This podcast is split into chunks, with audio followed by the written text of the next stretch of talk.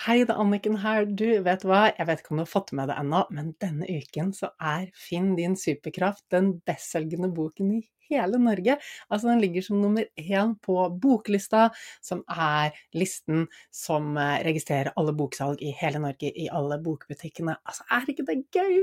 Og jeg har svevd hele uken og varslet et sånn klyp meg i armen Altså, drømmer kan bli virkelig, du, når du bare jobber for dem og går for dem. Og jeg vet jo også at dette eventyret hadde ikke vært mulig uten deg. Din støtte har jo gjort at dette har vært mulig å få til. Og hele min mission med å skrive den boken og ha denne podkasten og gjøre alt det andre jeg gjør, er jo å få kunnskapen ut i verden. Fordi vi trenger den alle sammen. Alle trenger å lese boken. Fordi vi kan så fort sitte fast i eget hode og leve et liv som er bare halvparten av det vi egentlig kan få til når vi har gode verktøy og kunnskap om hvordan hjernen funker, hvordan hormonsystemet funker, hvordan vi kan trene mentalt for å få til hva som helst og skape det livet vi elsker å leve. Og du, to ting. Den 14. mai så inviterer jeg deg til lanseringsfest. Det er en digital lanseringsfest som er åpen for alle, og den skal holde sammen med Marius Sørli fra Heart Mentality. Han har vært inne her på poden på to episoder også. Fantastisk fyr, og vi skal dra i gang skikkelig god stemning, skikkelig fest, masse mentalt påfyll, du kan stille spørsmål. Og det morsomste av alt er at vi skal lodde ut en del premier. Det blir utlodding av eh, Ja, jeg skal ikke røpe alt, men blant annet så lodder vi ut et par billetter til den fysiske lanseringsfesten som er i Oslo uken etter der igjen. Og der kommer det jo masse folk du helt sikkert kjenner i min omgangskrets, og Torkel Færø, som har skrevet forordet til boken, skal også ha et bidrag på scenen. Og det blir god mat fra bl.a. Happy Foods og masse annet spennende. Så bli med på den digitale lanseringsfesten, så kan du også vinne en billett til den fysiske lanseringsfesten i Oslo, og den er da 21. mai. Og du, hvordan blir du med på den digitale lanseringsfesten? Du trenger å registrere deg, så jeg vet hvor mange jeg skal lage rom til i Zoom. Og da går du til annikenbinds.com, og så skriver du skråstrek digital strek boklansering. Der finner du det. annikenbinds.com skråstrek digital strek boklansering, og så finner du det. Og finner du det ikke, så send meg en melding eller e-post, så skal jeg gi deg linken så du får registrert deg, sånn at du kan være med på festen. Tirsdag 14. mai klokken åtte. Vi holder på maks én time. Eh, og enda en kul ting, onsdag 15. mai, til de av dere som bor i Bergen og bergensområdet, onsdag 15. mai klokken 18.00 så er jeg på Nordli i Strandgaten 1 og signerer boken. Altså, bare kom innom. Ta med deg boken om du ikke har fått den signert ennå. Du kan også kjøpe boken der, men bare kom innom. Gi meg en klem. Si hvem du er. Si hva podkasten, kurs eller boken har betydd for deg. Jeg har så lyst til å møte deg på ekte. Altså, det er fantastisk at vi har muligheten til å ha kontakt gjennom sosiale medier og alle andre digitale plattformer, men det å møtes på ekte er helt magisk. Så jeg har kjempelyst til å se deg på Nordli, Strandgaten 1, onsdag 15. mai klokken 18.00. Og ja, du, da kan du bare gå i gang og kose deg med episoden.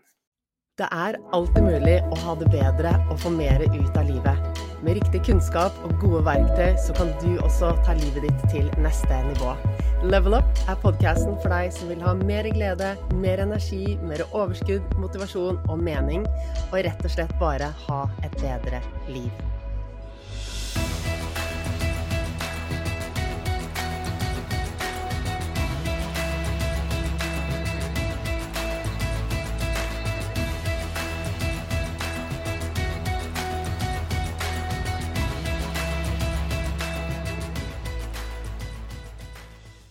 Hva skal til for at vi får til bærekraftig endring? Og hva har motivasjon med dette å gjøre? Hva er det som egentlig gjør at vi blir mer motivert, og hva er det som ødelegger motivasjonen, dreper motivasjonen vår? Og hva har hjernen med alt dette å gjøre? Hvilke mønstre i hjernen er det som hindrer oss eh, på veien til det målet vi ønsker? Dette er blant temaene som jeg snakker om i ukens episode. og Vi er så heldige å ha med meg Herman Egenberg. Han er en utrolig kunnskapsrik eh, fyr, og helt sikker på at vi skal ha han inn på podkasten igjen senere. Men for now håper du koser deg med denne episoden. Hjertelig velkommen til Level Up, Herman. Så hyggelig å ha deg med. Så hyggelig å få komme. Dette gleder jeg meg veldig til, Annike. Dette har jeg så gledet meg til lenge. Vi har jo prøvd å få det til en stund, og så er vi begge busy. Og så er vi vel begge opptatt av å ikke overlesse oss selv med altfor mye arbeid. Um, så det har vært litt uh, frem og tilbake planlegging og litt sykdom og sånn, men nå har vi endelig landet det. Nå har vi klart det. Altså, jeg er opptatt av å ikke overlesse meg med arbeid, men jeg klarer ikke helt å få det til, da. Altså, det er en sånn evig utfordring, den derre den tidsoptimismen. Altså det, altså, det er evig læring. Fordi altså, jeg har erfart at hver gang jeg skal gjøre noe, så tenker jeg at det, Nei, nei, men det, det får jeg unnagjort på sånn og sånn og sånn. Altså, nå holder jeg på å skrive bok, og jeg, bare, jeg setter av en måned, og så har jeg sikkert skrevet Så vi lærer jo så lenge vi lever, og det er utrolig hvor mye tid og energi ting kan kreve av oss. Jeg er veldig spent på den boka di. da. Er det første boka du skriver, eller? Ja, det er første boken, og det jeg nå har lovet meg selv Vi får se om jeg går tilbake på løftet, men jeg har lovet meg selv at det ikke blir flere bøker før barna har flyttet ut av hus. ok, ja, fordi du merker nå at det var, det var en større oppgave enn du så for deg? Ja, mye større oppgave. Og jeg, jeg, er glad i å skrive, jeg er god til å skrive, men det å skrive bok, er, altså, det krever jo mye, så Man vil så gjerne at den blir bra. Ja. At den blir liksom virkelig, virkelig bra. Og da tar det tid, altså. Det gjør det. Det tar kjempemye tid. Og jeg ser at jeg er Jeg jobber ikke kvelder og helger. Det er bare sånn Det, det skal jeg ikke gjøre. For jeg har valgt Altså, den jobben jeg har nå, har jeg valgt fordi jeg vil få kunnskapen ut og hjelpe. Men jeg har ikke valgt jobben fordi jeg har lyst til å drepe meg selv med stress og bli utbrent. Det skjer ikke. Og jeg kjenner så mange gründere som bare som brenner seg ut, rett og slett, fordi det er så lett å jobbe 24-7. Og selv om jeg syns det er gøy å jobbe, så setter jeg ganske strenge grenser. Det høres smart ut. Ja, veldig smart. Ja. Men det forstår jeg at du også gjør er ganske påpasselig med denne balansen mellom eh, hvile og jobb og restitusjon og energi ut og energi inn og alt det. Ja, jeg prøver. Det jo Det som er en utfordring, er jo at, at det er ganske gøy å jobbe, da. Ikke sant. At det er eh, Jeg jobber nå på, på med, med medisinutdanningen. Og det er jo eh, på mange måter verdens beste jobb å få ha undervisning med medisinstudenter, få lov å ha smågrupper og og det blir jo liksom det blir jo veldig viktig å gjøre det skikkelig bra. Da. Så det kan fort eh, For meg jeg er, jeg er, veldig glad i å sitte på kontoret på lørdager når det ikke er noen andre her, og, og forberede en forelesning eller, eller eh, skrive på, på artikkelen eller, eller, noe sånt. Så, så, så, jeg liker det, men, men, jeg prøver å sette grenser. Liksom. Ja, så, så kveldstid og sånt nå er jeg god på. Da blir det sosialt. Ikke sant. Ja, det er jo som du sier, og jeg tenker at det, det, er ikke noe galt å synes at jobben er gøy og bruke mye tid på å jobbe. Det er ikke noe galt på det. Så, så lenge vi får restituert nok, tenker jeg at det er, det er jo en positiv drivkraft. Um, så jeg vet jo at du ikke har barn, ikke sant? Stemmer det? Ja, det stemmer. det gjør jo ting litt lettere, sikkert, da. Ja, det blir eh, Det er en litt annen uh, balanse i hverdagen når man har barn, men en fin reise er det. Men du, uh, før vi skravler oss helt inn i alt mulig rart der, har du lyst til å fortelle litt om deg selv, sånn at uh, lytterne kan bli litt bedre kjent med deg? Ja, så jeg heter Herman Egenberg, jeg er 37 år gammel, kommer fra Bjølsen i Oslo. Og er utdanna lege. Studerte medisin her i Oslo også. Og mm, mens jeg studerte på medisinen, egentlig, så ble jeg eksponert for noe som heter motiverende intervju, som vi lærte alle sammen da, eh, i løpet av studiet. Og det eh, Jeg falt for den metoden. Det var altså eh, noe med det liksom, og hvordan man eh, kunne snakke og lytte og, og, være nysgjerrig på et annet menneske på en måte som gjorde at det mennesket fikk kanskje litt motivasjon, eller uh, fikk noen ideer, eller ble litt inspirert. Og, og, i utgangspunktet, altså Grunnen til at vi lærer på medisin, er jo for å hjelpe folk med, med altså vaneendringer, sånn helserelaterte endringer. da, Altså slutte å røyke, trene, de tingene der. Men jeg fant liksom at det var så nyttig for meg, mange av de der prinsippene jeg lærte der, også i mitt daglige liv. Altså hvordan jeg det var, Overraskende nok så var det, var det, nyttig å kunne lytte til, til venner og til, til kjæreste og, og, og, sånne ting. Så, så det har, jeg hatt sånn glede av, og hatt sånn følelse hele veien at dette her må jo alle kunne noe om, da. Så rett etter at jeg var ferdig på medisin, så startet jeg podkasten Motiverende intervju. Med, altså både for å lære mer om det selv, og for å, å, å dele det med andre. Og så har det egentlig tatt styringa på karrieren min siden. Så jeg har jo tatt turnustjenesten og jobba i, i, psykiatrien litt, sånn som andre leger også gjør. Men, men så fikk jeg muligheten til å lage kurs i motiverende intervju for Helsedirektoratet, og nå har jeg fått muligheten til å undervise det på universitetet. Og, og også drive med forskning og skrive doktorgrad og sånt. Da. Så nå, nå er det veldig preget av av Nå er det begynner å bli veldig sånn stort samsvar mellom det jeg liksom brenner for, og det som jeg jobber med i, i hverdagen. da.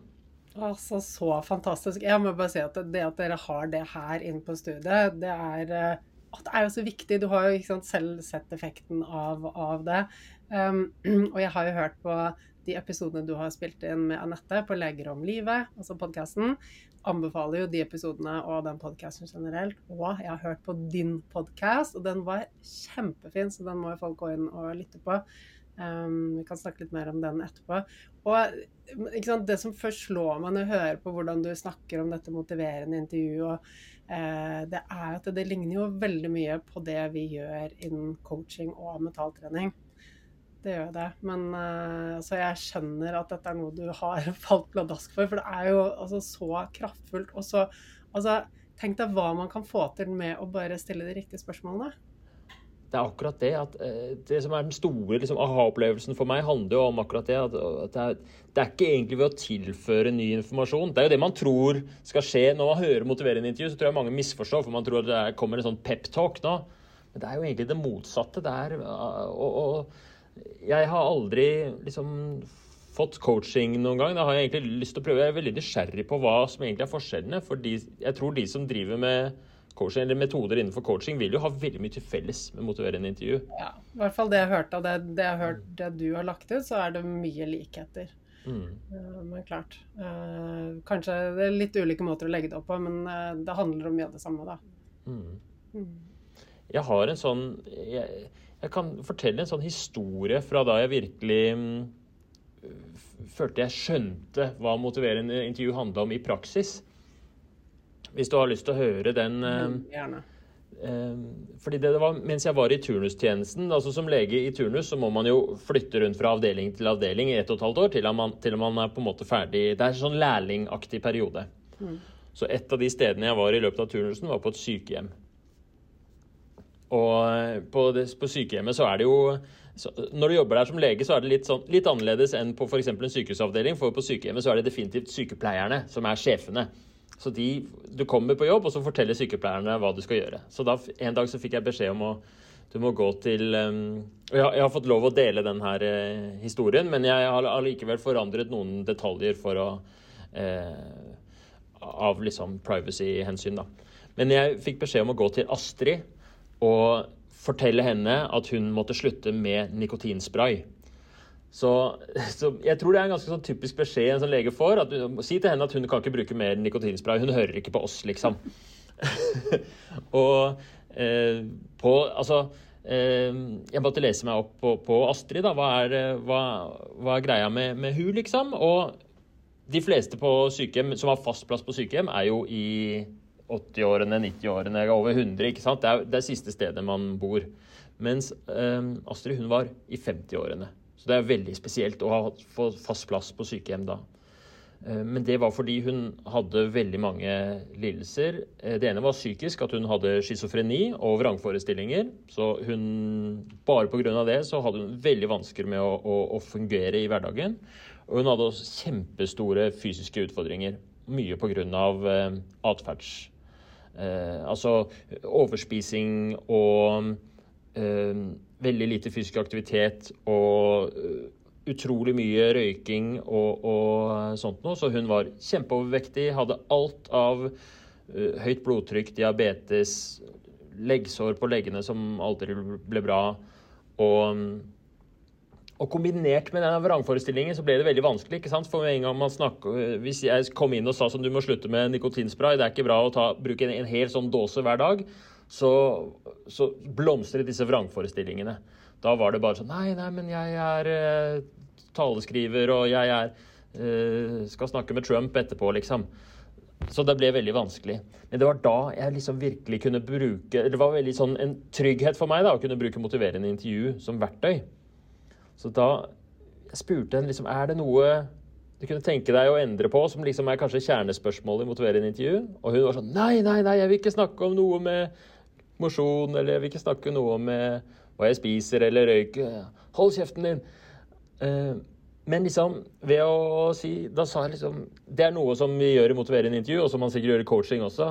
At man ruller litt med motstand. Og da er det Det, er, det handler ikke om å tvinge noe igjennom, men heller å være litt sånn nysgjerrig. Så spurte jeg er det noe du kunne tenke deg å liksom ha som et prosjekt vi kunne snakke om. Og jeg kunne komme tilbake en gang i uka. Og, og da kom vi liksom etter en god stund fram til For hun hadde et lite sånn keyboard på lite elektrisk piano på rommet sitt. At ja, men jeg liker jo å spille piano.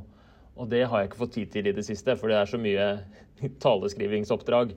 Uh, eller, altså og da hadde vi rett og slett et motiverende intervju hvor jeg utforska liksom fordeler og ulemper og brukte den intervjuguiden på pianoskriving.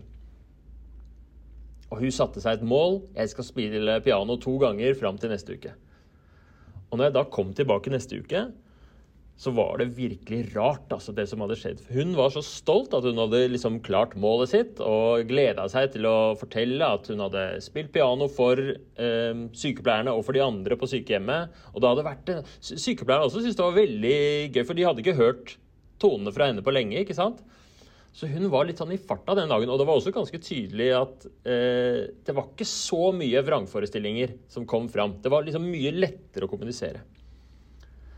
Og når vi da liksom hadde en ny samtale, og ja, er det noe mer du kunne tenke deg, liksom, hva skal vi jobbe med fram til neste uke, så var hun plutselig på at hm, det er eh, Jeg må være ærlig med deg, doktor, men det er Jeg spiser jo sukkerbiter rent fra skåla til kaffen, og det har jeg tenkt på at det er kanskje ikke det beste for meg. og, det, og det er jo drøm for meg å høre. Altså På en side, fra sånn medisinsk perspektiv, så tror jeg ikke de sukkerbitene utgjorde så veldig stor forskjell. Det er en dråpe i havet for henne. Eh, med all liksom, saften og pizzakartongene og, og, brusen som hun drakk. Men, men det var liksom Det var første gang jeg hørte hvert fall, at hun selv tok initiativ til en sånn helserelatert endring. da. Og så jobba vi med det, og så klarte hun det. Og, og, og eh, gjennom de ukene jeg var der, så var det så tydelig at eh, selv om liksom medisinsk så hadde det kanskje ikke så stor effekt. altså Det var ikke som om hun raste ned i vekt bare hun slutta med de eh, sukkerbitene. Men etter hvert som hun klarte å sette seg små mål og fikk rom til å utforske og ble lytta til og hørt og fikk styre ting selv, da, istedenfor at alt ble styrt av nå må du ta blodtrykk og nå må du eh, stikke fingeren for å ta blodsukker, så handlet det om hennes liksom, hun fikk prioritere selv, og det skapte en mestringsfølelse, og det skapte en veldig god energi der. Da fikk jeg liksom en sånn eh, Ja, da, da, tenkte jeg wow, altså jeg, sånn her har jeg lyst til å jobbe videre. For det føltes veldig riktig, liksom. Åh, så utrolig fint. Og jeg mener, ikke sant, når du beskriver henne, så tenkte jeg bare åh, ikke sant, der har du Der er det så mye å ta fatt i, da. ikke sant, Bare shit, hvordan skal man klare å komme gjennom det her? Men med de enkle teknikkene. Og Det handler om å starte ett sted. Som du sier, ja, de sukkerbitene, det har kanskje ikke så mye å si i det store bildet, men det er, liksom, det ett steg med å begynne å bygge mestring, tro på at man kan få til, endre én liten vane, så er det mye lettere å endre de neste. Um, og så nevner du jo noe som er liksom helt essensielt når det kommer til motivasjon. Det er at det må jo komme innifra. Fordi alt som kommer utenfra. Og det er sånn som jeg tar meg selv ofte mm, som foreldre. Um, prøve å få barna til å gjøre ting. Det funker ikke å si at du må gjøre dette. Mm. de gjør jo ikke det. Det kan jo, Sånn ytre motivasjon kan jo ofte funke sånn på kort sikt. Ja. Altså, Hvis du sier til barna hvis du rydder rommet nå, så får du 200 kroner, yes. så kommer jo det rommet til å bli rydda. Men det vil jo ikke gjøre noe for Da kommer du bare til å sitte og vente på neste gang de får belønning for å rydde rommet. Du gjør det egentlig til en sånn større oppgave enn hvis man på en eller annen måte klarer å finne ja, men hva, hvordan liker du å ha rommet ditt? Hva syns du er ja. ja. Ja, og det er så riktig ikke sant, det du sier. Og, for vi, vi, vet jo alle at det, når noe oppleves som tvang, da, sånn som du også beskriver i denne historien, alt blir liksom styrt utenfra. Det er ikke motiverende, men når vi selv kan bestemme når vi skal gjøre ting, hva vi skal gjøre, kjenne at vi får til de tingene, de målene vi har satt oss, og kjenne på mestring, da bygger vi jo motivasjon. Og jeg har jo Altså nå nylig så, så jobbet jeg med noen som, som hatt mye sånn litt sånn smådårlige vaner med kanskje sitte for lenge oppe på kvelden, være trett på morgenen, eh, sitte og spise godteri på kvelden. Altså bare sånn, bare sånn ikke, ikke, sånn kjempestore dårlige vaner, men sånne ting som bare gjorde at energien var dårlig, motivasjonen var dårlig, eh, og at eh, livet ble mer litt sånn subbe meg gjennom å overleve istedenfor å våkne på morgenen og bare Yes, nå er jeg klar for dagen. Og Eh, med denne personen så er det Da har noen igjen og igjen forsøkt å forklare hvor viktig søvnen er, hva mm. som skjer når du spiser sukker på kvelden, hva, liksom bare alle de tingene. Og du burde gå og legge deg, dette er smart, og bla, bla, bla. Ingenting funker.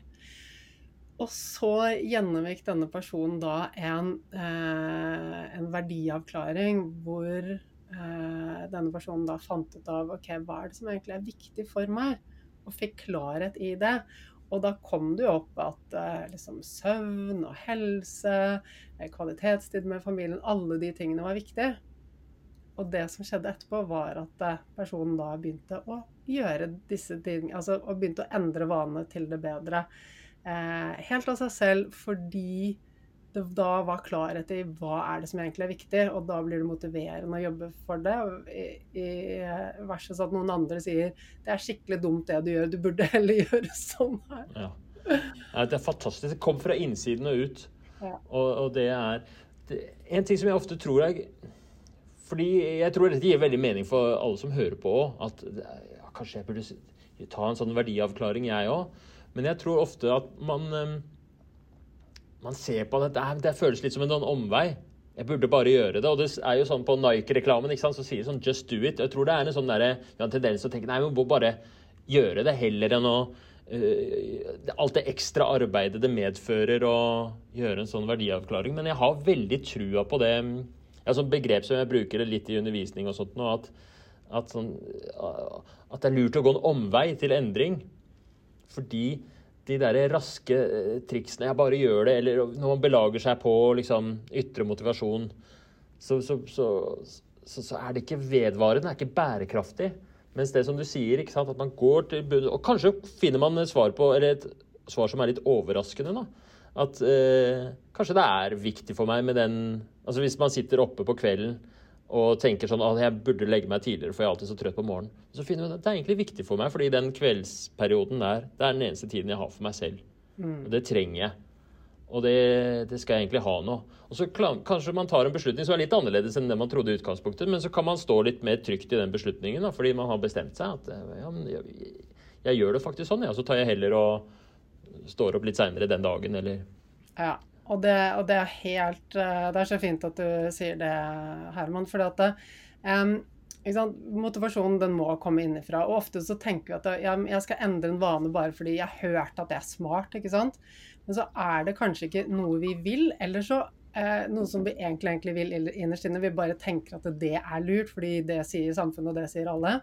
Um, og så er det også det vi må tenke på at alle de vanene eller uvanene vi har, de, de har, det er en grunn til at de er der. De skal oppfylle et eller annet behov.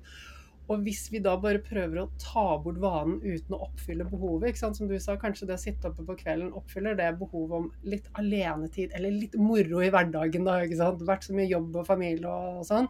Det er litt gøy med Netflix og et eller annet potetgull eller et eller annet sånt. Og bare være litt rebell, ikke sant. Så, det, så og de behovene de vil jo fortsatt være der. Og hvis vi prøver å ta bort vanen uten å liksom, tilfredsstille det behovet, så, så, vil det ikke funke. Da vil vi falle tilbake på den uvanen igjen. Og jeg har jo Eh, et veldig godt eksempel selv. Jeg prøvde i veldig lang tid å slutte å drikke kaffe. For jeg hadde hørt at det, liksom, det var mye for nervesystemet.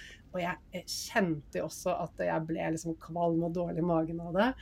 Um, så bare Å, dette er skikkelig lurt. Jeg, jeg, jeg, må egentlig bare Jeg må slutte med kaffe. Men det gikk ikke. Jeg klarte liksom noen dager, og så var det tilbake. Jeg hadde liksom alle mulige grunner til at jeg måtte drikke den kaffen. ikke sant? Um, og så skjønte jeg jo etter hvert at jeg, jeg vil jo innerst inne egentlig ikke. Og, og hva er liksom årsaken til det? Hva er det, hva er det den kaffen betyr for meg? Og det var en periode av livet hvor det var før jeg virkelig hadde kommet inn i mentaltreningen og liksom begynt å skape all den endringen. Eh, det var en periode av livet hvor jeg bare syntes at livet var nitrist. Mm. Dritkjedelig. Altså hver dag var bare liksom grå og tom og tung. Og det eneste som ga meg glede Det var den kaffen. ja, Og så skulle man slutte med liksom ditt store høydepunkt i dagen. Ja, det var liksom du tar over til den siste gøy, bra tingen. Så bare, det, det, er klart at det da var det mye motstand inni meg. Og, og, i ettertid, når jeg har fått snudd om på livet og har et liv som jeg digger, så er det ikke noe stress med den kaffen. Så, så nå kan jeg kose meg med kaffe en kopp eh, en gang iblant, gjerne koffeinfri, men jeg, jeg trenger den ikke. Mm. For det behovet er allerede oppfylt. Og det tenker jeg er så viktig um, når vi skal gå inn og jobbe med vaneendring og motivasjon til det. Det er sjekke ok, men vil jeg egentlig det her? Er jeg helt, helt ja. sikker på at jeg vil? Eller er det bare det at jeg tenker at det er lurt, eller at jeg burde gjøre det? Eh, og så finne ut ok, hvis jeg er motivert, hvis jeg vet at jeg vil det, så også gå inn i seg selv og finne ut ok, men hva er intensjonen, hva er motivasjonen bak den vann, Hvilket behov er det jeg dekker? Eh, og så finne en annen måte å dekke det behovet på, rett og slett. Da.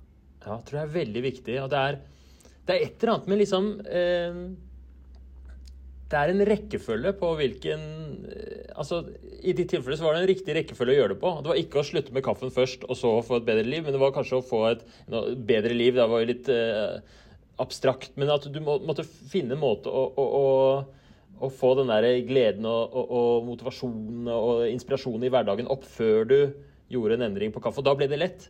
Mens hvis du hadde liksom stått det er, Eller hjelper liksom ikke sånn å stå stange i den kaffen i en situasjon hvor, uh, hvor du trenger den. Jeg har, en, jeg har, en, sånn serie nå med motiverende intervjuer som, som ikke er lagt ut på podkasten ennå, men um, jeg kan si litt om den. Om, det er uh, en deltaker som ønsker å gå ned i vekt.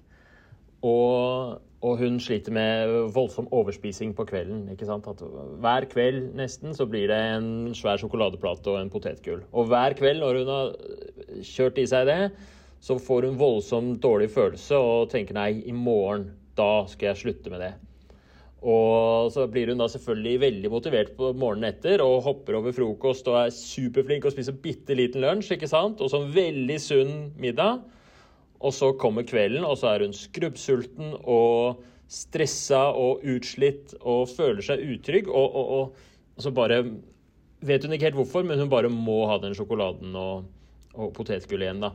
Og det blir et sånt kveldsritual. Så det er liksom både at det er veldig sånn satt vane, og den dekker en hel masse behover om, om, liksom, om trygghet og, og, liksom bare ha det litt Ha en liten pause fra å være flink.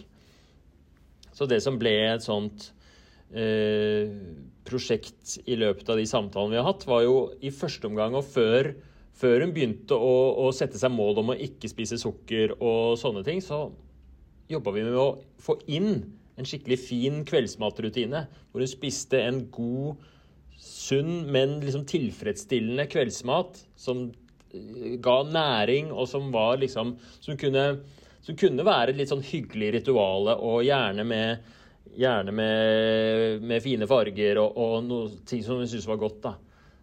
Og i tillegg at hun, hun satte liksom et sånt fint kryss. Hun hadde sånn almanakk, og så satte hun en sånn kryss hver dag hun hadde spist kveldsmat. At det var liksom målet. Så istedenfor det som kanskje er det man tenker, og det hun også tenkte først, jeg må slutte med sukkeret, så handla det mer om å jeg må, jeg må få inn eh, noe som dekker det behovet først. Det føles litt sånn veldig parallelt i den historien du fortalte om kaffen. Mm. Ja, og så smart, ikke sant. Eh, og det er jo sånn at eh, vår hjerne styrer etter det som gir oss gode følelser. Og, vi, det, dette med liksom, emosjonell spising og overspising og sånn, det, det, er jo ganske komplekst. fordi det er klart at det, vi er jo eh, programmert til å ville ha mer sukker og fett. Det er jo fra et overlevelsesperspektiv. fordi for noen millioner år siden så, så var det veldig knappe ressurser. Så vi er liksom sånn programmert at vi vil ha mer av det. Og så har det også en effekt eh, på oss med en gang vi begynner å spise sukker, så dropper dopaminnivået, som gjør at vi craver mer av det. Så det gjør at det er vanskelig å stoppe. Så det er liksom mange sånne fysiologiske responser som gjør at okay, akkurat det er litt utfordrende. Eh, men i tillegg så er det jo det at når vi eh, sliter med en eller annen sånn en eller annen spiseforstyrrelse, hvis vi kan bare putte det i den sekken, så handler det jo ikke om maten. Det er ikke maten som er problemet. Det er at følelsene er ustabile. Og jeg ser igjen og igjen og igjen at dette handler om lav selvfølelse. Den følelsen av å mangle kjærlighet, mangle trygghet, føle at man ikke er bra nok. Og hver gang den følelsen melder seg, så, så er det For hjernen vår så er det livsfare. ikke sant? Det farligste for hjernen vår er å er å føle at den står i, i fare for å miste tilhørighet til, eh, ja, til Bli forlatt. Mm. Ja, bli forlatt. Det er, liksom sånn, det er livsfarlig for hjernen vår. Så hver gang eh, hjernen vår opplever det, ikke sant? kanskje noen så litt rart på meg, noen eh, likte ikke bildet som jeg la ut på Instagram, eller noe, så kan hjernen bare Oi, kanskje jeg står i fare for å eh, miste tilhørighet til fellesskapet. Det er fare, det er stress, og hjernen skal få oss bort fra fare og stress og mot det som er trygt. Og det som er trygt, er de gode følelsene. Eh, og vi, når vi spiser søt og fet mat, så frigjør det jo masse dopamin. Det, det, gir en god følelse. I tillegg så har vi da helt sikkert på et eller annet tidspunkt lært i livet å knytte de gode følelsene til til mat. Da. For eksempel, kanskje vi hadde da vi var liten falt og slo oss, så fikk vi en kopp kakao eller en is. Eller vi hadde en bestemor som alltid bakte sjokoladekake. Og når vi spiste sjokoladekake med bestemor, så kjente vi på nærhet, vi kjente på tilhørighet, vi følte oss elsket. Og da har jo hjernen lært at oi, sjokoladekake eller søtsaker, det betyr Da får jeg følelsen av å være elsket og å være ja. betydningsfull. Og det er det viktigste hjernen trenger for overlevelse. Og da må vi bare skjønne at det, når vi eh, har sånn ustabile følelser, når de svinger, så svinger de fordi vi føler at vi er mindre verdt, som de fleste sliter med på et eller annet nivå. Eh, og da driver hjernen oss til å Hjernen skal bare redde deg. Ikke kan se ja. for oss at vi Bedøv det på en eller annen måte med en eller annen stimuli. Og det, ja, det, og det, kan være sukker, det kan være potetgull, det kan være sitte på TikTok eller Trening. gamble, shopping. Ja. Mm. Det kan være så mye. Så, og, og det er liksom sånn, og vi, liksom, akkurat i de tilfellene her så må vi inn på så mange områder. Så det du gjør med det motiverende intervjuet, det, det er så viktig, og det er så nødvendig. Eh, og, så, og, så, trenger vi liksom se på helheten der. Fordi mm. vi kan jobbe med vaneendring, men det er en grunn, det er en grunn til at uvanen er der. Og det, det handler om de dype sårene som sitter inni oss. Og hvis vi ikke fikser det, hvis vi ikke bygger opp den selvfølelsen, den troen og vissheten om at jeg er nok uansett, så kommer følelsene til å fortsette å svinge. Og hver gang følelsen svinger ned, da, så føler hjernen at å, ja, nå er jeg i livsfare, jeg må redde meg. Jeg er på dypt vann og holder på å drukne, jeg må ha en redningsvest. Hva er redningsvesten? Jo, redningsvesten er det mønsteret hvor jeg har lært at det gir meg en følelse av tilhørighet, kjærlighet, trygghet, nærhet, trøst. Og vi får jo trøst fra mat, ikke sant. Um, uansett om vi har opplevd en gang i livet at vi fikk en kakao når vi slo, så får vi den følelsen av trøst mm. når vi mm. spiser. Så det er helt nærliggende å, å, ty til det. Så vi kan jobbe så mye vi vil med å endre vaner, og så må vi også inn i dybden og endre på de altså Jeg kaller det feillæring som sitter i underbevisstheten. At vi har lært oss at jeg ikke er like bra som de andre og de tingene der. Det er sånne forsvarsmekanismer. og I psykologien også snakker man om at det er Og man veit jo aldri helt hva det er. Altså Jeg har hatt flere eh, pasienter hvor det med overspising har vært eh, knytta til et eller annet uh, traume. At ja. um, f.eks. at uh, en, en, som fortalte hun hadde vært utsatt for seksuelt overgrep. Mm. Og at hun ønsket å bli tjukk og overvektig, fordi da, da ville ingen det var en del av henne. Og hun, var jo bevisst på selv at dette er jo en helt syk tanke, liksom. Men, men, da er jeg tryggere. For da hvis mm. ingen vil ha meg.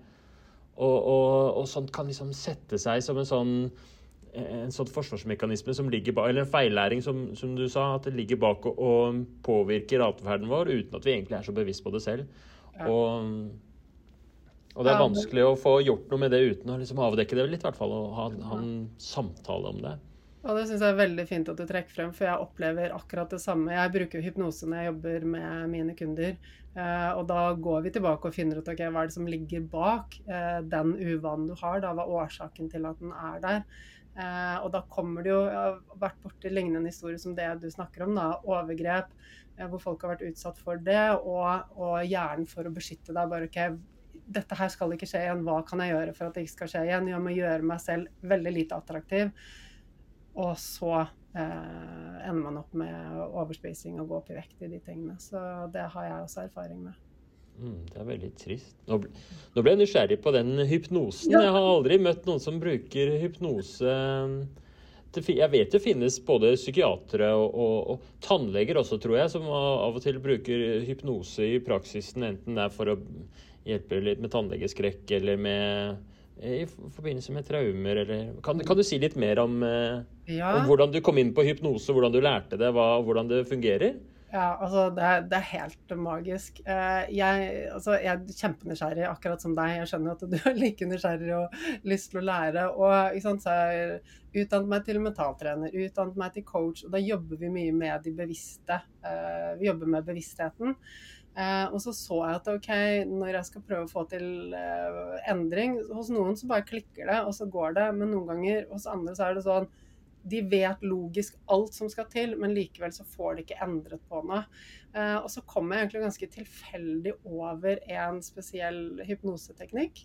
Og prøvde ut det selv, og bare å herregud. Og da falt det liksom mynten ned, og jeg fikk til endring som bare for det ligger jo lagret i underbevisstheten, og det klarer vi ikke endre ved bare logisk forstå det. Vi må ned der og omprogrammere også. Eller for noen veldig sånn hjernesterke, så kan du bare si å, jeg, å, nå skjønner jeg dette, da bare endrer jeg det, og så funker det. Funker, men det funker for en, en liten uh, brøkdel av befolkningen. Fordi når det sitter ting lagret i underbevisstheten, så er det det som styrer oss uansett. Um, og ofte så sitter, sant, som du snakket om, traumer. Og, og, traumer trenger jo ikke handle om overgrep og sånn. Det kan, det kan handle om helt som er liksom bagateller, egentlig, men som kanskje i barneøynene oppfattes som, som noe alvorlig. Da, ikke sant? Og igjen da tilbake til dette med at hjernen skal beskytte oss, og den er alltid redd for at eh, vi skal miste tilhørighet. og det eksempelet som jeg ofte nevner. F.eks. For foreldre som kjefter på barna sine. Eh, eh det er klart at barn tåler å få litt kjeft innimellom, men, men når jeg jobber med mine kunder, og bare for å forklare hvordan den hypnosen funker, så, så, når folk kommer inn, så har de en eller annen utfordring. Kanskje jeg sliter med eh, selvsabotasje, ikke sant. Um, og så går vi da inn uh, i hypnosen, og det er egentlig bare som å ligge og være avslappet. Uh, har du prøvd yoga nidra en gang, f.eks.? Eh, ja Nei, jeg har vel ikke det. Nå, nå, blir kjæresten min sur på meg, for hun er yogalærer. Men jeg har, yoga nidra vet jeg ikke helt hva er for noe. Nei, jeg vet at uh, Torkil også er veldig fan av det. Uh, men yoga nidra er en, uh, det er en avspenningsteknikk rett og slett, som tar deg dypt tar deg veldig raskt ned på, på dype hjernebølger, sånn at du får restituert. Uh, og det er det forsket mye på. Man vet at uh, sånn ti minutter med yoga nidra kan uh, erstatte en time med Det ligner litt på meditasjon, på en måte? Ja, ja liksom, med meditasjon så Det er litt annerledes, for du skal egentlig bare lukke igjen og lytte til et lydspor, og så er det de tingene som sier, gjør at du bare blir veldig raskt avslappet. Men mm. uansett, det er en liten digresjon. Det, altså, hypnose er ikke sånn at du er fjern eller borte. Du er fortsatt deg selv, du har fortsatt kontroll, men du har tilgang til det som er lagret i underbevisstheten, og du er ikke lenger så kritisk og liksom bryr deg ikke så mye om det som er på utsiden, men er litt mer sånn du går innover. Eh, så når jeg da jobber med kundene mine, så kommer de kanskje inn og sier OK, jeg sliter med selvsabotasje. Uh, ok, og Så går vi inn og så spør vi underbevisstheten ok, hva er årsaken, hva ligger bak den selvsabotasjen. Uh, og da kommer det også veldig ofte opp at, uh, at barn har opplevd å bli kjeftet på av foreldrene. ok, og hva er det, Så, så går vi og graver inn. ok, Hva er det, det du, hva betyr det, og hva føler, hva føler, du da? Og så kommer det opp at ok, når jeg får kjeft, så betyr det at jeg ikke er bra nok. At jeg ikke er nok. Ikke så det går rett på selvfølelsen. Og det er klart at det er en sånn hendelse en gang i livet, det vil jo ikke vippe oss. Men summen av mange sånne episoder gjør jo at vi da etter hvert begynner å tro på det. Altså det blir lagret som en læring i underbevisstheten. Hvis jeg kjefter på barna mine, så syns jeg ikke at de er dårligere. Jeg elsker det ikke noe mindre, men det er sånn underbevisstheten deres oppfatter det. Fordi at det kan være noe farlig. Det er potensielt sett livsfarlig å være mindre verdt, ikke sant. Mm. Eh, og da blir det lagret som viktig informasjon. Så summen av alle disse tingene um, det, det, er med på å, å, å gi Altså å senke selvfølelsen, redusere selvfølelsen. Gi en identitet og en sannhet om seg selv, om at jeg ikke er like bra. Um, så kan jeg også nevne et eksempel som jeg også har i boken min. Så jeg har også taushetsplikt.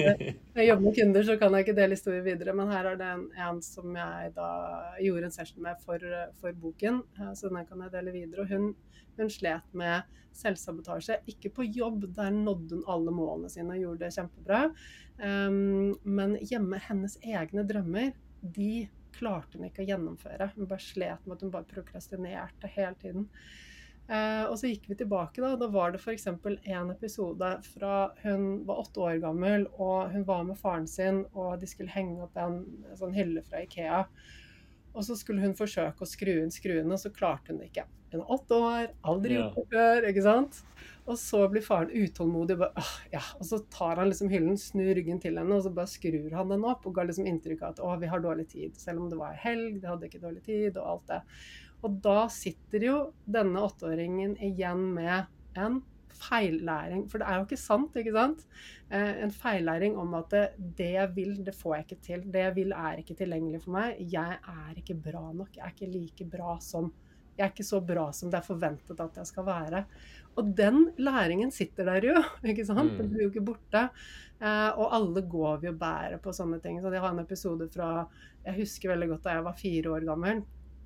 Jeg var høyere enn alle de andre, jeg hadde mørkere stemme enn alle de andre, jeg var kraftigere. Jeg bare følte meg så maskulin i forhold til alle de andre søte små indie-jentene jentene i barnehagen. Eh, og jeg husker at jeg liksom plutselig ble bevisst på at de var sånn søte og yndige, og jeg følte meg så annerledes. Og da lagret jeg det som en sånn informasjon om at ok, men jeg er annerledes. Jeg kan ikke høre til. Jeg er ikke like bra som de andre. Det er ikke sant, men det var den læringen som satte seg. Eh, og de tingene jobber med når jeg jobber med hypnose, med å rett og slett endre på det, sånn at vi med underbevisstheten skjønner at oi, det handlet ikke om at jeg var dårligere.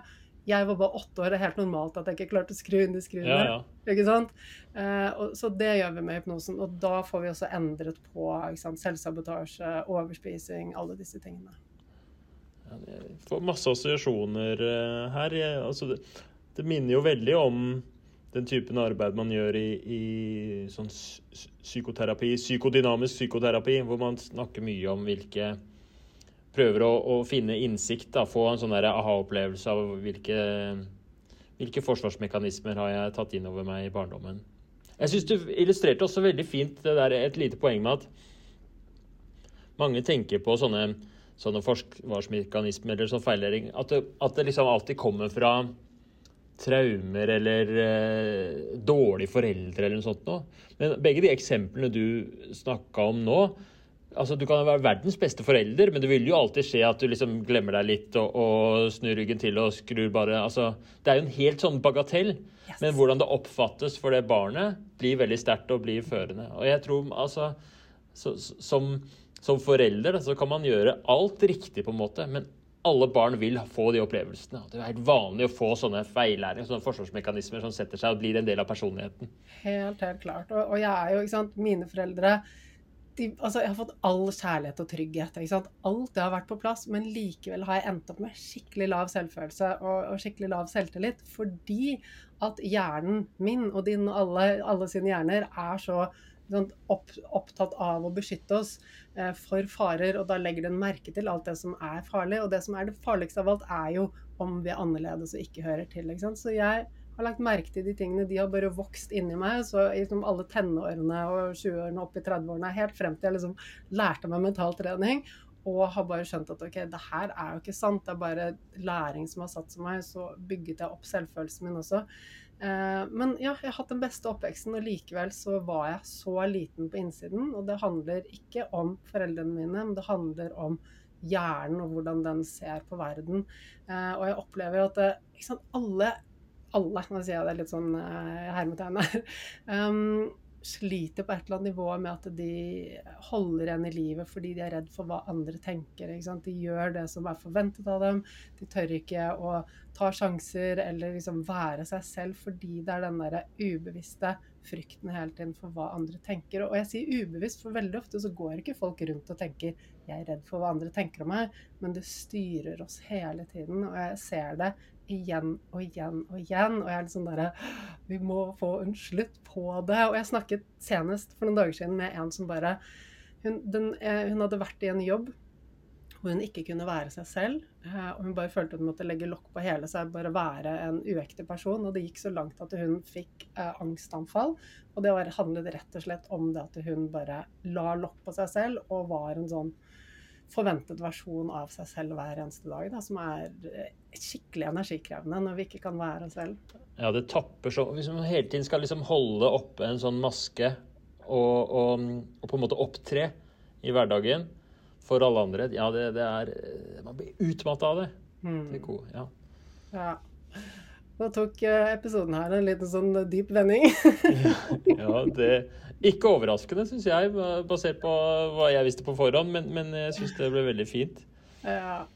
Ja. Jeg, jeg, jeg, altså, jeg må bare det, Den kunnskapen og det budskapet må ut. Vi, ikke sant? Og det som vi liksom snakker om her, det handler ikke om ikke sant? Ja, har du hatt en traumatisk barndom og alt sånn? Ja, selvfølgelig, da er det mye å jobbe med. Men dette her gjelder alle. Ikke sant? Mm. Jeg ser alle sliter med det på et eller annet nivå. Jeg, sånn jeg jobber med, jeg nettverker med masse gründere som bare tør ikke å få et budskap sitt, tør ikke ta det neste steget, tør ikke å gjøre de tingene. Og, og årsaken er redsel for å drite meg ut og tape ansikt. Uh, og det ja, må vi ha en slutt på. Kjempefint. Jeg syns jeg lærte noe litt sånn uh, fint. Uh, altså fordi sånn jeg forstår det, så er mye av liksom, måten du jobber på, er å gå liksom, i dybden og, og bruke aktivt liksom, Lete, utforske etter forsvarsmekanismer eller til sånn feillæring. Så det er en veldig konstruktiv måte å jobbe på. Det er sånn ofte mange former for psykoterapi jobber. Men det er ganske tydelig forskjell fra motiverende intervju, egentlig.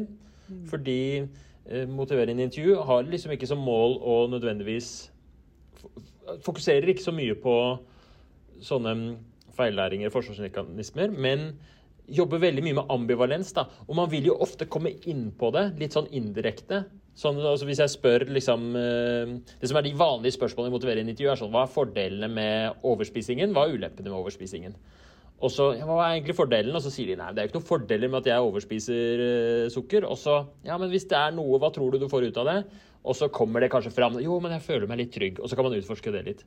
Men det er liksom Det er på en måte litt indirekte at vi kommer til det. Det er ikke alltid man gjør det, og man fokuserer veldig på liksom her og nå også. Mm. Så jeg bare syns det var litt interessant å få klarere for meg litt sånn ja. forskjell på eh, den coach, type coaching som du driver med, og motiverende intervju ja, og, eh. og, og, vi trenger begge delene. ikke sant? Vi, ja. vi, kan ikke bare jobbe med omprogrammering av underbevisstheten, vi må jobbe med bevisstheten. Og alt det du tenker hver eneste dag, det har en sånn jeg kaller det en sånn trickle down-effekt i underbevisstheten. da? Sånn, når du har et motiverende intervju med noen, og de plutselig blir klar over noe, så vil jo det også bidra til å endre på den feillæringen som sitter i underbevisstheten. Så sant, det er sånn, folk er bare OK, hva, hvor lang tid tar det å få endring, og hva skal til for å få endring? Så det finnes ingen fasit. Liksom, alltid ulikt. Eh, men de metodene du bruker, eh, de vet vi funker. Går vi inn i underbevisstheten, og når det er Men det handler om noen ganger så er det enklere å snu ting, og da kan det være nok å bare prate. Motiverende intervju eller de coachingteknikkene også bruker hvor vi egentlig bare prater og bare Aha, plutselig så blir vi bevisst, eller vi kartlegger verdien og bare Plutselig kommer den motivasjonen fra innsiden. Men når vi ser at det ikke er nok, så er det det å gå mer i dybden eh, som hjelper. Så, men det er ikke noe sånn fasit og hvor mange ganger må du liksom som, som du, Hvor mange ganger må du gjøre et motiverende intervju med noen? Det er ikke noe fasit. ikke sant? Hvor mange ganger må, du, må jeg gjøre en hypnosesession på, på én ting? Eh, det er ikke noe fasit. ikke sant? Noen ganger kan jeg jobbe med noen også, som har kanskje en fobi eller frykt, og så går den over på første session. Noen ganger så trenger vi å jobbe flere ganger med den på flere nivåer. Så det er ingen fasit. Men, men fasiten er at det, vi får til endring, men vi trenger ofte litt tålmodighet og kanskje liksom jobbe inn fra flere vinkler. Og jeg er alltid veldig sånn Min metode er ikke den, er det eneste svaret, den eneste løsningen. Jeg anbefaler alltid alle å liksom jobbe inn fra flest mulig måter. Det finnes så mange fine måter å jobbe inn med psyken og underbevisstheten og, og, det fysiske også, gjennom det fysiske gjøre endringer med kroppen også. Og hver eneste ting vi gjør, tenker jeg at det bidrar i riktig retning. Og ikke liksom lene oss på at det er enten den teknikken eller den teknikken, men, men summen av mange teknikker som, som, virkelig får mynten til å dette ned, da. Ja, jeg tror også det. Jeg tror det er mange veier til rom.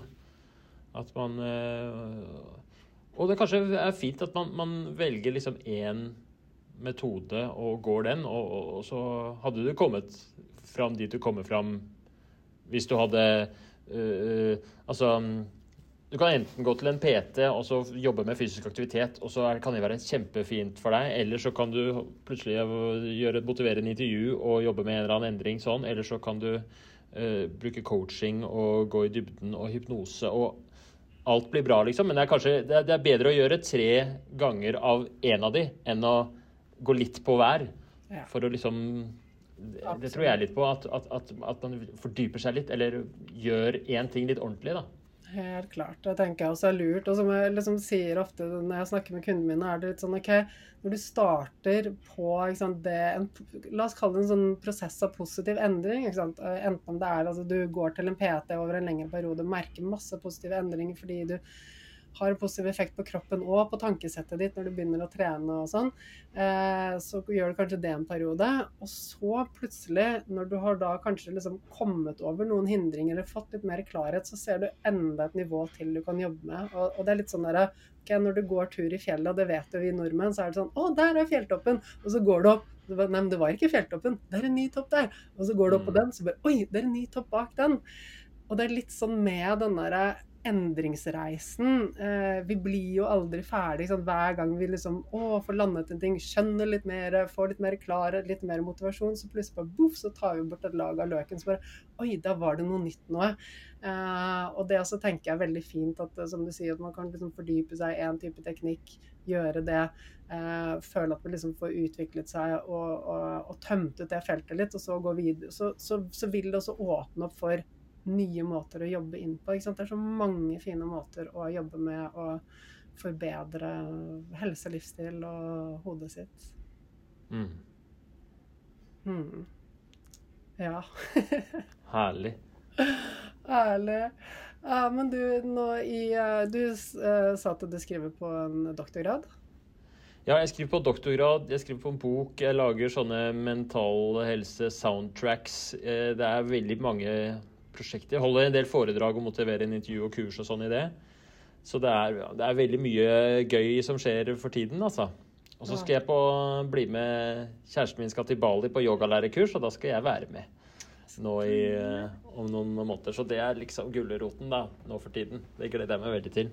Åh, magisk. Men ja, du er jo helt klart veldig engasjert i det du driver med. og har mange mange prosjekter på gang. Så jeg syns det er så gøy å følge med deg. Jeg har hørt på podkasten din eh, og sjekket ut de lydsporene. Kan ikke du fortelle litt om de lydsporene som du har lagt ut? Jo, det er også en sånn eh, kommer jo ut av eh, det jeg har lært om motivere en intervju, og mye av det vi har snakket om i dag. At, at eh, for at endring skal skje, så er det ofte liksom visse prosesser i, i hjernen som liksom må aktiveres litt. Det er ikke bare å gjøre det alltid, men det er fint å gå en liten sånn omvei inn i sin egen syke for å komme fram til noen svar og reflektere litt. Så jeg lurte på om liksom, kan man gjøre et motiverende intervju på seg selv. Det var jo det første, første liksom, spørsmålet jeg stilte meg. Og så prøvde jeg å lage da, et slags sånt, en, et guidet motiverende intervju man kunne høre på. Da har jeg samarbeidet litt med musikere og og, og prøvd å, få Jeg liker veldig godt hvordan Fordi veldig mange sånne guida meditasjoner og sånn finner man enten i egne apper, eller så finner man det som, som podkast. Og det jeg ville, var å lage noe som var enda mer sånn fleksibelt. Så jeg la, la det ut som et sånt album på Spotify med musikk i bakgrunnen, sånn at man kunne ta liksom Det spørsmålet der likte jeg veldig godt. Det vil jeg ha så kan man lage sin egen spilleliste ikke sant? med liksom Jeg vil gjerne utforske ambivalens der, og så vil jeg ha litt sånn mestringstro der.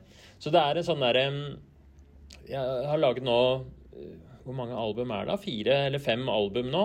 Med sånne forskjellige refleksjonsøvelser og små peptalks med musikk i bakgrunnen på, på Spotify. Som man kan høre på. Du, eh, Det som kanskje har blitt mest populært, det er et album uh, som heter 'Takknemlighet'. Uh, hvor det er forskjellige takknemlighetsøvelser. Jeg har veldig sans for å jobbe litt med takknemlighet som en del av uh, en eller annen endringsprosess. da.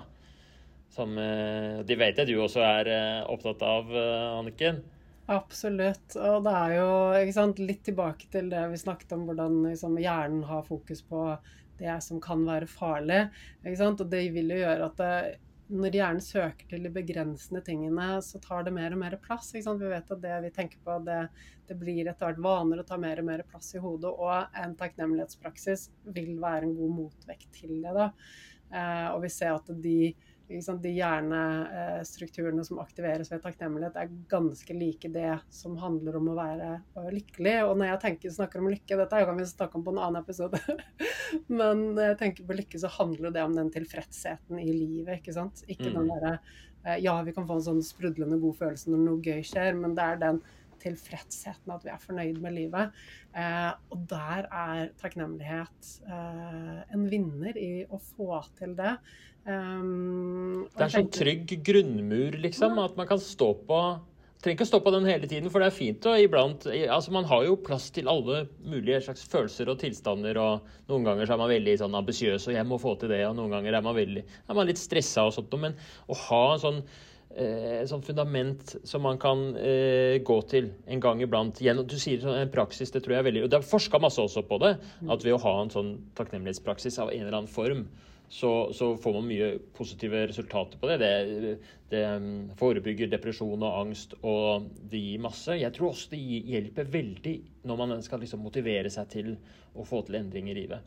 Yes, ikke sant? Så, det, er, ikke sant? Og det er jo de gode følelsene. De motiverer til flere gode følelser. Hvis vi bare har fokus på de tingene som er begrensende i livet, så mister vi også tro og håp eh, på at vi kan få til endring. Men når vi begynner å liksom se at ok, men jeg har fått til mye bra, det er mye som er fint i livet, så gir det en sånn positiv boost som også vil hjelpe oss på motivasjonen til å gjøre flere endringer. Så, Herlig. Ja, veldig, har du noe, Hva er din favoritt-takknemlighetspraksis? Eh, du, vet du hva? Eh, jeg driver og Hører du på Huberman Lab? Ja. Har du hørt på den episoden han har om takknemlighet? Ja, ja. det har jeg. Ikke sant? Og det, det, han sier, at det er veldig potent, den praksisen eh, Det er forskjellige måter å praktisere takknemlighet på, men den praksisen hvor Um, hvor du da eh, Hvor noen gir deg takknemlighet. Ja.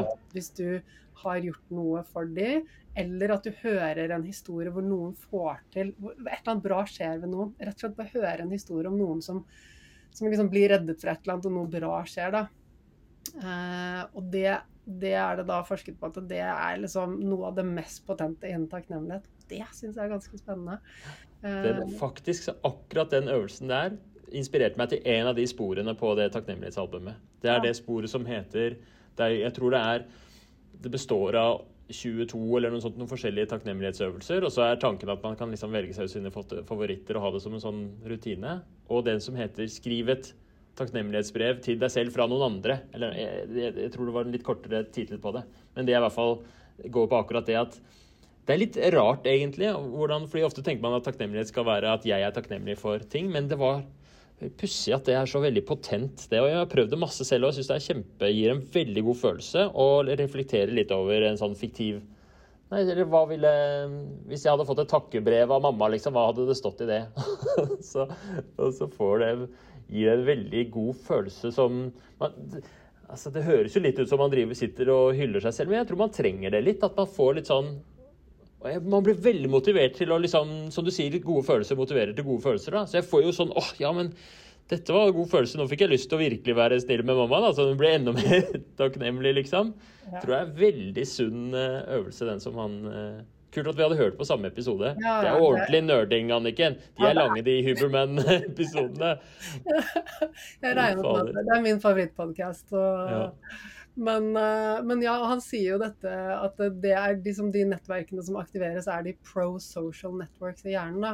Mm. Um, og da vil jeg liksom tenke altså Naturen er jo smart, og det er jo en grunn til at vi får gode følelser av å se at noen andre blir hjulpet, eller at vi hjelper noen andre.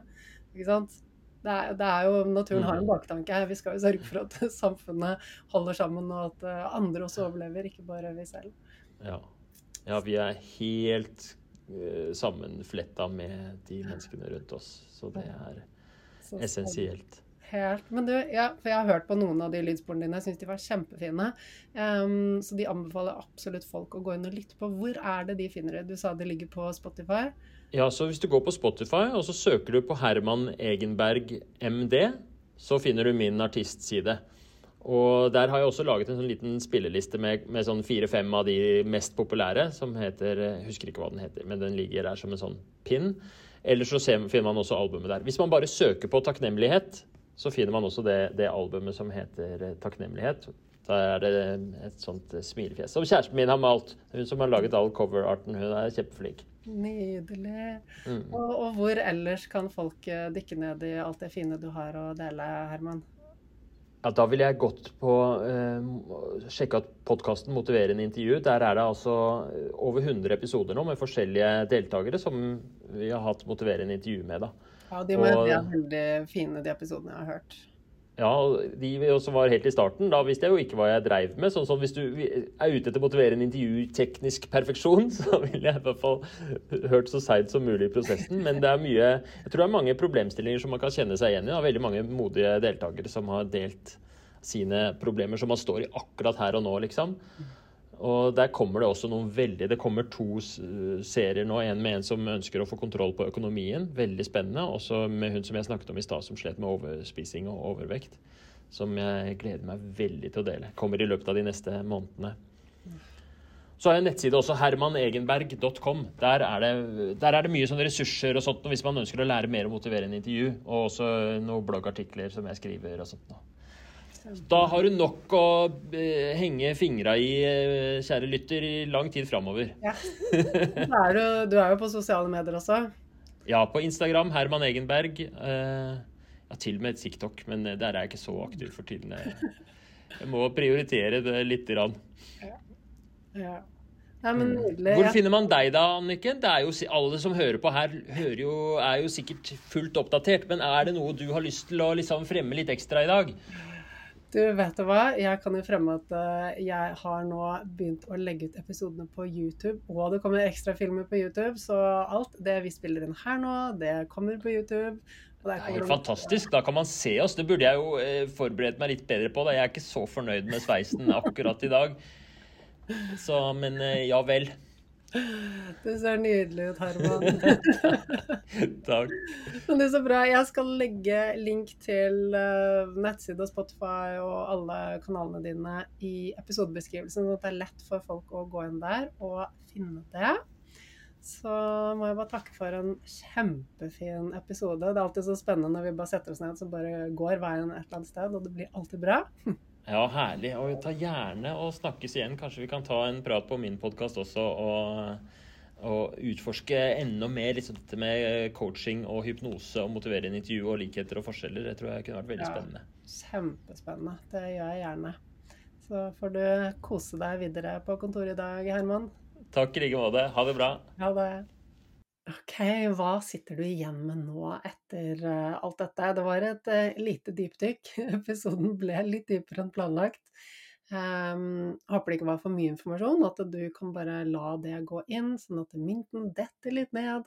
Du får en større forståelse for deg selv, hvordan vi mennesker er skrudd sammen, eh, hva som hindrer oss i endring, hva vi trenger for å få til endring. Husk, det er ikke noe fasit, men fasiten er at vi får til endring. Eh, men hva vi trenger å gjøre for å komme dit, og hvor lang tid det tar, det vil alltid, alltid være individuelt så håper jeg at du eh, tar med deg all denne kunnskapen. Og hør gjerne episoden en gang til, fordi jeg vet at det er mye informasjon der. Og eh, ja, noen ganger trenger vi å repetere ting for å virkelig få det med seg. Eh, jeg hører ofte på podkast-episoder opptil flere ganger når det virkelig er noen viktige ting som jeg tenker at dette har jeg lyst til å lære. Og så er jeg like overrasket hver gang jeg går tilbake og repeterer en podkast-episode og bare Oi, det hadde jeg ikke fått med meg. Oi, det hadde jeg ikke hørt i det hele tatt. Så vi husker ikke alt når vi har lest en bok eller gått gjennom et kurs eller hørt på en podkast-episode. Så gå tilbake og repeter hvis du vil at dette skal sitte. Og så håper jeg virkelig at du tar med deg denne lærdommen inn i livet ditt og begynner å se deg selv og livet ditt med nye øyne, i et nytt perspektiv, og kanskje får en mye større forståelse og raushet for deg selv. Eh, fordi at det er jo ikke alltid sånn Eller det er ikke sånn at det er vår skyld at ting er på en viss måte. Det handler ikke om at vi mangler viljestyrke. Det handler bare om at vi ikke har skrudd om de riktige nøklene for å øke motivasjonen og skape endring ennå. Men den tiden, den kommer når du også vil begynne å ta i bruk disse fine verktøyene, så du også kan få den endringen som du fortjener å få. Og du, tagg gjerne både Herman og meg i sosiale medier når du lytter til episoden. Del med oss hva du sitter igjen med, hva du har lært. Og så gleder jeg meg til å se deg igjen neste uke.